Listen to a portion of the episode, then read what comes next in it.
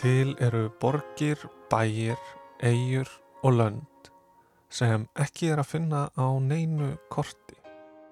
Þangað leggja engir vegir, þangað sigla engin skip og það er ekki hægt að kaupa flugmiða þangað og þar býr engin nema ég og kannski þú.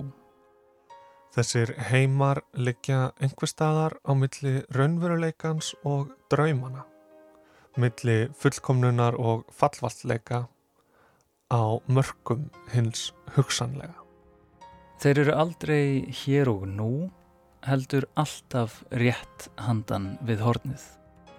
Þessir heimar sem eru öðruvísi og betri en okkar heimur heita einu nafni Utopia. Við erum Tómas og Snorri. Þú ert að hlusta á Hvergiland.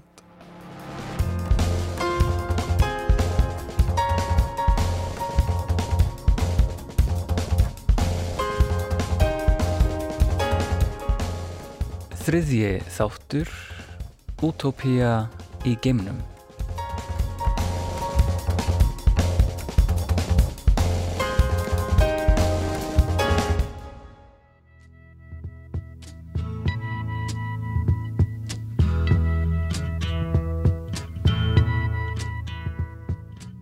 Árið er 1967 og heimurinn blómstrar. Sumar ástarinnar er gengið í gard og útópíu hugsun ungs fólks í bandaríkjunum er í sögulegu hámarki. Þau eru langþreytt á staðnari samfélagsmynd foreldra sinna og kalla eftir nýjum gildum. Þau vilja meiri samhljómmilli manneskja, þau vilja frjálsar ástir, þau vilja afnema stríðsbröld og löglega ákveðin vímuefni. Hörðustu hipparnir áttu meira sig eftir að fylgja þessari útópíu hugsun sinni í verki og láta reyna á stopnun lítilla sveitakomuna hér og hvarum heiminn. Margar þessar komunur hefnuðust vel, aðrar bærilega en sumar urðu stórslis.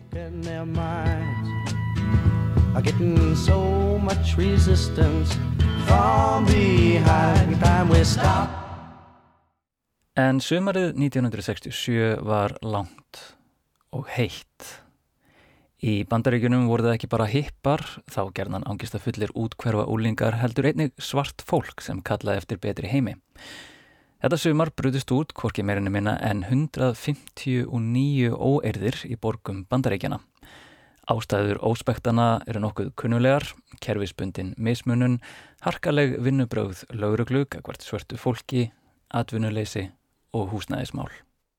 Útópía hippana er augljós og skýr.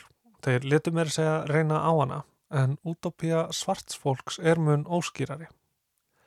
Hipparnir notiðu útópía aðferð sem einkennist af áætlanagerð og framkvæmt, en svo útópía aðferð sem byrtist í réttindabaratu svartra í bandarækjunum er af öllitið öðrum meði.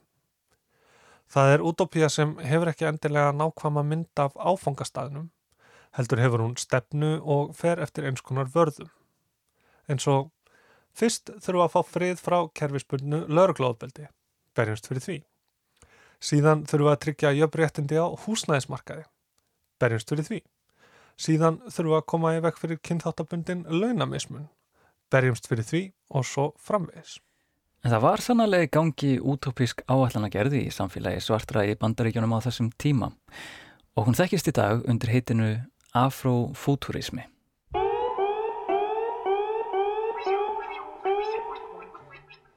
Hvert fer útópíuhugsunin þegar búið er að svæða alla jörðina? Þegar það er engin nýr heimur rétt handan við hornið eða hinum megin við hafið? Svarið er einfalt.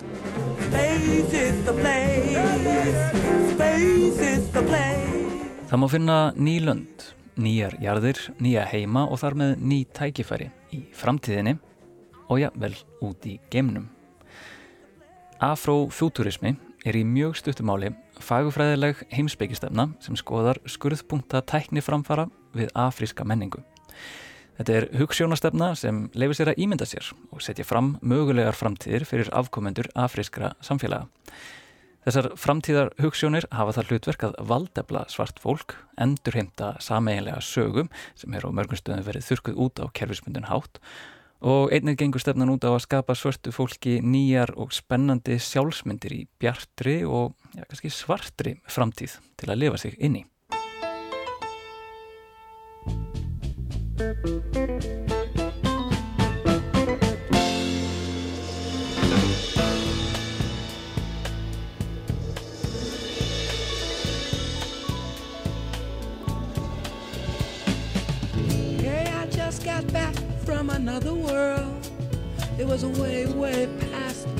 side.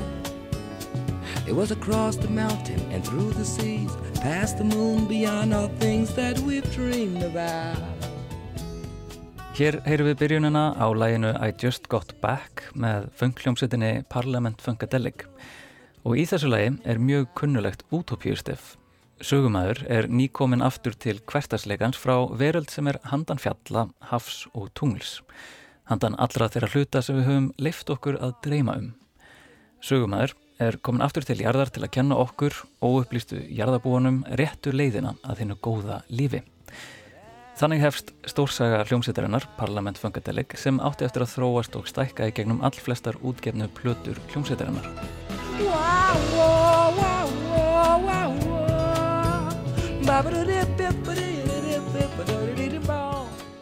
Söguþráður þessarar stórsögu gengur nokkun veginn út á átök tveggja mismunandi útsendara.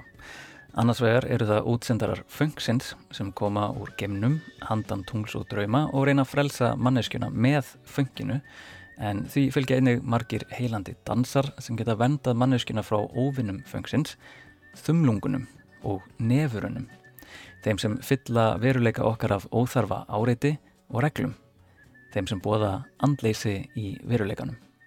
En þetta er gömul saga og ný og við þekkjum hana úr hverskins trúabröðum og sögum.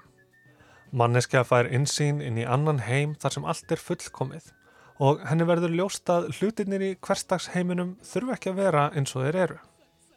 Svo mismunum sem við búum við í hversteginum er sannarlega framleitt af okkur sjálfum og það ætti ekki að vera mikið mála að breyta samfélaginu á þann hátt að allir hafið það fínt og geti öðlast farsæld og hamingju.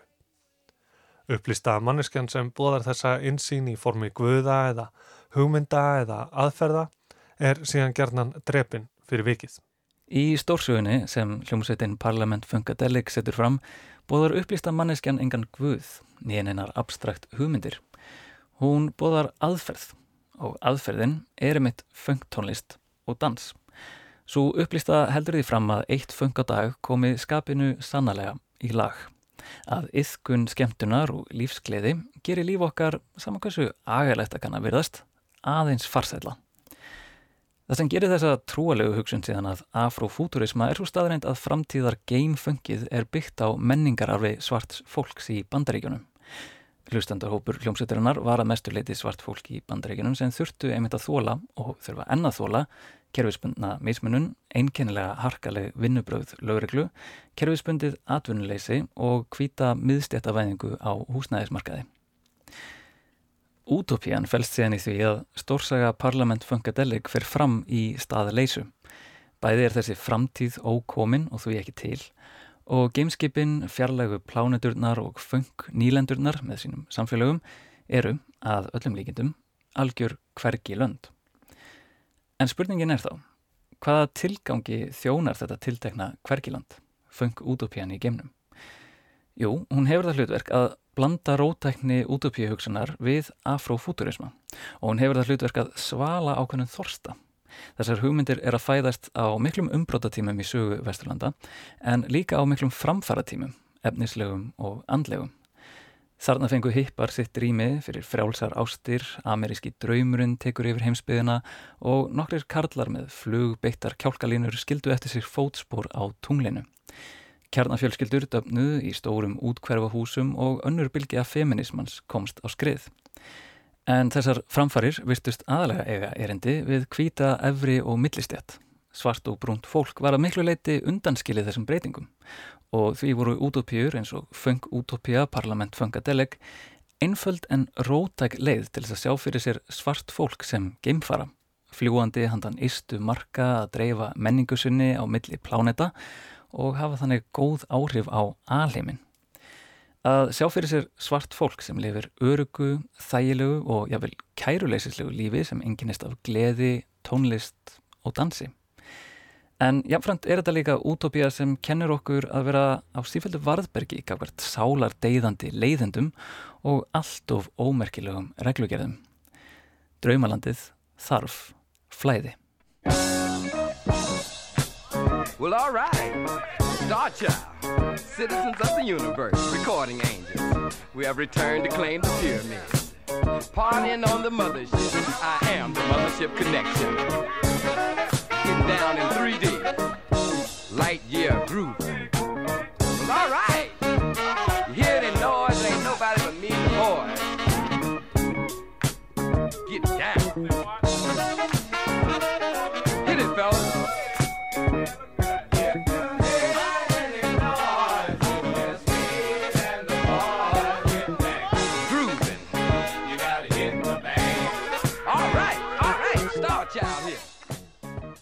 Gamefunk Parlament Funkadelic sprettur ekki bara upp úr utopíu hugsun og afrofúturisma.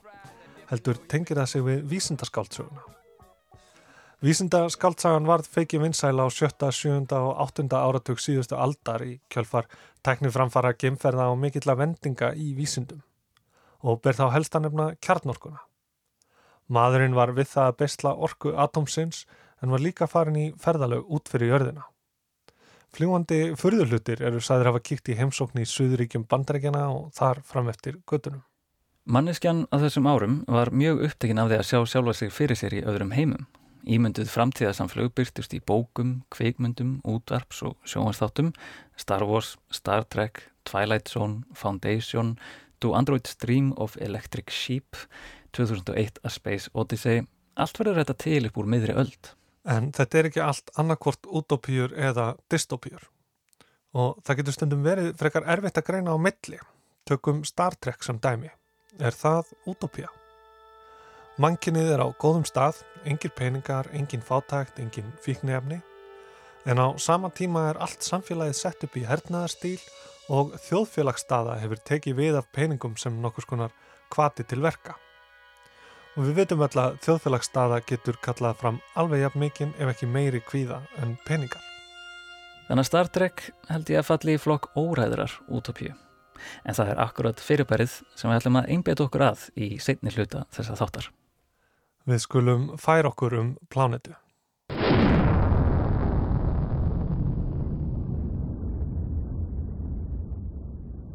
Í bókinni The Dispossessed eftir Ursulu K. Le Guin er að finna einast líka óræða útópíu. Bókin fylgir fræðilega eðlisfræðingnum Sjevek sem ferðast frá heimahögunum, tunglinu Annares, til plánetunar Urras til að vinna nokkus konar alltumleikjandi kenningu um tíman. Þannig er nefnilega mál með vexti að á heimatunglinu hafði öfundsjúkur kollegi staði vegi fyrir rannsóknum Sjeveks og því flúði hann til næstu plánetu. Bókin segir frá uppvakstar árum hans á Annares en líka nýjum kynum hans af Urras. Við sjáum bara eitt ríki á Urras sem að heitir eh, AIO eða AIO eða eitthvað. En það er greinilega byggt á bandaríkunum og er svona kapitalist samfélag. Þetta er Þórhallur Auður Helgason, nefandi í hagnýtri starfræði. Við hittumst upp í háskóla og rættum um þessa stóru bók hennar Úrsulu Káli Guinn. Svo er annað ríki þarna á Úrras sem heitir Þú sem er greinilega byggt á Sovjetríkinum og þarna sér maður í rauninni svona ofur kapitalisma og uh, kommunisma en hann er sko ferð hans sévegg frá annaris liggur bara til uh, þessa kapitalíska samfélags.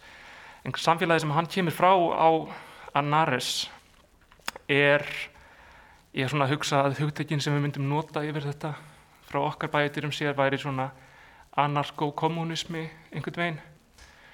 Og þarna er þetta samfélag sem að byggir í rauninni á því að uh, það á engin neitt.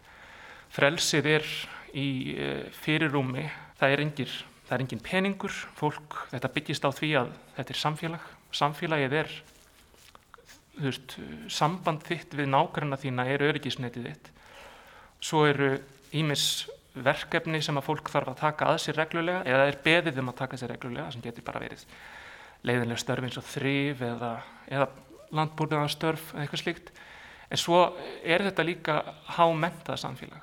Annares hljómar í fyrstu eins og einhvers konar utopía sem Le Guin er að setja fram. Utopía sem hún speklar í græðginni og miðstýringunni sem enkenna samfélagina úrras. En fljótt vera hallandan fæti á Annares og personur bókarinn að ræða sín á milli alla spillinguna og gallana sem enkenna þetta utopíska samfélag. Og lesandi fer þá að spyrja sig, er þetta þá utopía? Og við spyrjum á móti, hvað er Le Guin að gera í þessari bók? Sko mér finnst þetta áhugavert með úrsvölu Kali Guin. Ég held að frægasta, eða svona nafntógaðasta vísindarskaldsagan hennar er eflaust The Left Hand of Darkness en uppáhaldsbókin mín er The Dispossessed. En það sem er svona greinilegt í báðum þessum bókum er það að hún er að, að eh, gera svona passífa uppreist gagvart samþyktum samfélagsmálefnum sem að í rauninni eru aldrei gaggrínt. The Left Hand of Darkness gerist á plánetu þar sem að uh, fólk hefur ekki í rauninni ákvarðað kyn. Þetta er svona hliðstætt í dýraríkjunu, ég held að ánamaðkar séu svona sko þeir geti hérna orðið við einhverju skil ekki gafar eða þegar í kynlífi. En sagan sjálf fjallar ekkert um þetta. þetta er algjörlega backdrop í sögunni og sömulegis er sagan þarna í The Dispossessed, hún er ekki með einhvern áróður beint um eitt en eitt, hún er bara að lýsa samfélagi og það sem að færi rauninni við það að ferðast um samfélag úrras út um augu Shevex frá þessari plánetu er það að maður henni tekst alveg listilega vel að benda manni á trén í skóginum. Maður sér hlutina sem maður, maður fæðist inn í samfélagum maður gaggrínir ekkert veist, kynja hlutverk til að byrja með. Eða kannski einmitt sér maður það ekki en svo svona smám saman settlar þetta inn og ef maður er ekki vakandi fyrir því að þetta getur verið öðruvísi þá gaggrínir maður þetta aldrei. Sömulegis með aðra hluti bara eins og þú veist dýra átt og eitthvað svona. Le Guin gengur tölvert lengra en margir útópíu höfundar Útópíusagan er gerðnan skrifuð í heimsóknarstíl nánast sem eins konar ferðadagbók. Þannig fær lesandi fullt af samfélagslýsingum þar sem ímyndunarafliði látið geisa en svo yfirgefur sögumæður eigina og heldur heim til að segja frá eða skrifa um þessa útópíu. Sem lesandi fær maður bara glefsu eins og eina ljósmynd af mögulegu draumasamfélagi. En slíkar glefsur eru sönnunargögnum að augnabliki sér liðið Ljósmyndin eða ferðardagbókin sendir augnablíkið inn í fortíðina og lokar á það dyrunum. Þessar utopíur sem við höfum skoðað í þessum þáttum, frá Tómasi Mór, Platóni eða Seikarunum, eru að þessu leiti liðnar, staðnaðar í tíma, fristar og jáfnvel bara dauðar. Le Guin lætur sér ekki næja að setja fram eina flotta utopíu, heldur gefur hún lesandanum dystopíuna líka. En fremur eður hún einhver sérstöku púðri í yfirlits teksta um þessar lendur. Gleimi sér ekki í þessari gæstsauga lýsingu á samfélaginu. Heldur kemur því fyrir í bakgrunni sögunar. Hún einbeti sér að því að skoða líf mannesku sem býr í útópíunni. Og ég held að með því að skoða einstaklingin innan útópíunar gerur hún útópíuna í fyrsta lagi miklu starri en í öðru lagi gerur hún hana óræða. Það er, það er ekki mikið af bókmyndum sem að á trúanlegan máta sínir manni hvernig samfélagið gæti verið þegar þunga meðjöð þess sem er kapitalismin og hýrarkiðan og allt þetta þegar þetta er fjarlægt. Að þú veist þess vegna er þetta kannski kallað útópía vegna þess að þetta er svo fjárstæðikent þetta er svo, þetta er svo langsótt og svona fólk, þú veist, ég er með fylgta manneskjum sem að lifin í hausnum mínum svona karaktera fólki sem ég hef hitt sko, sem að segir að þetta sé barnaskapur að, að gleðjast yfir því að lesa þessa bók að þetta sé flótti við raunveruleikan en sko flótti við raunveruleikan er samt flótti yngvert maður hefur allavega stefnu. Maður veit hvert maður vill fara. Og það er það sem er mikilvægast. Og það er það sem þessi bók gerir fyrir mig allavega og marga er það að hún sýnir manni af því að það, hún, hún snertir við einhverjum strengjum sem maður hefur nú þegar og þess vegna trúið maður þessu. En samfélagið á að næra samt alls ekki lítalöst, sko, það er annað sem að bókin fjallar um, er það að samfélagið þar í rauninni fæðist í byltingu gegn viðteknum siðum og viðteknum gildum. Og þegar við grýpum þetta niður 200 árum setna, þá er ljóst að þóttu fjarlægir, þú veist, gjaldmiðla, refsilögjöf, eignarétt, þá er inngreift í mannfólkið að mynda siði og venjur sem að leiðir til stöðnunar vegna þess að það er þægilega. Það er þægilega að hafa hlutina eins og þeir eru og þegar samfélagið hefur sest og er ekki í reyfingu lengur þá byrjar þetta, hérna, þessi þörf fyrir að knýja þegnana í einhverja átt. Þannig reyninni sko þessi, þessi undirtitill um óraðinni útópíunar byggir í reyninni svolítið á því að það er ekkert, útópían er ekki hlutur eða, eða sko það er ekki til neinn forskrift. Um, þessi útópía sem er þarna, hún er stöðugt í turbulens, stöðugt lifandi, hún fer eitthvert og ætlar ekkert að komast neitt. Hún er ekki með markmið eða áfangast, hún er bara ferðalag og að því leiti þá er hún í rauninni alltaf spurning en ekki svar um, og ég held að svona um, hún er heldur ekkit útópía fyrir alla sko.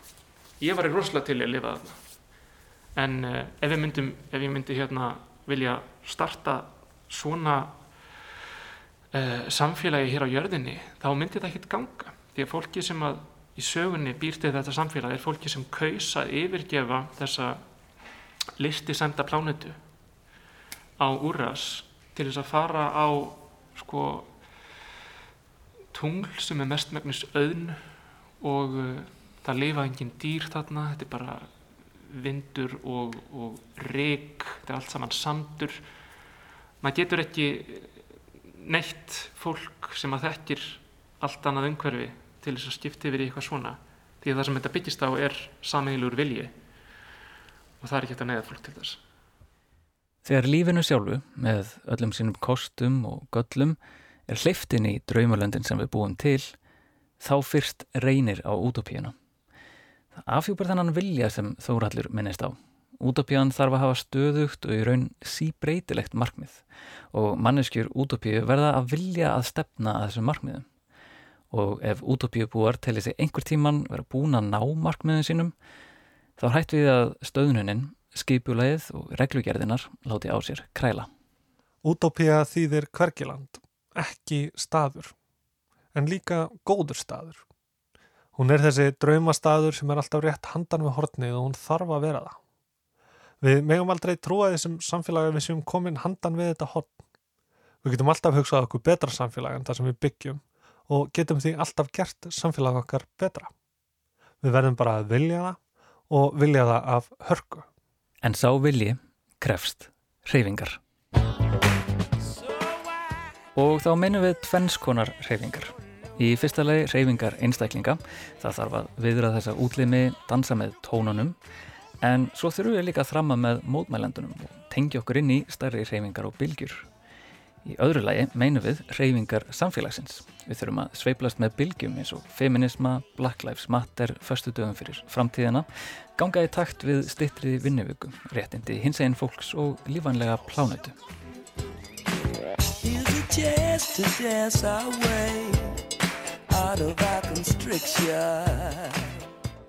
Þetta eru raunverulegar hreyfingar. Þetta er dans. Við þurfum að standa á þreipum valdsins og krefjast betra samfélags vegna þess að margstraða framtíðin, dystopían, nærist á aðgerðaleysi, hugmyndaleysi og sinnuleysi.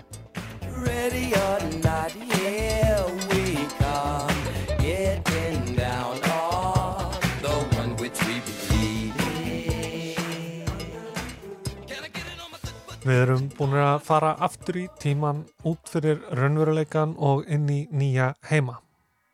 En í næsta þætti erum við ekki að fara neitt. Við ætlum að dvelja á krosskutum nútímans, líta beint í genið á krísunum.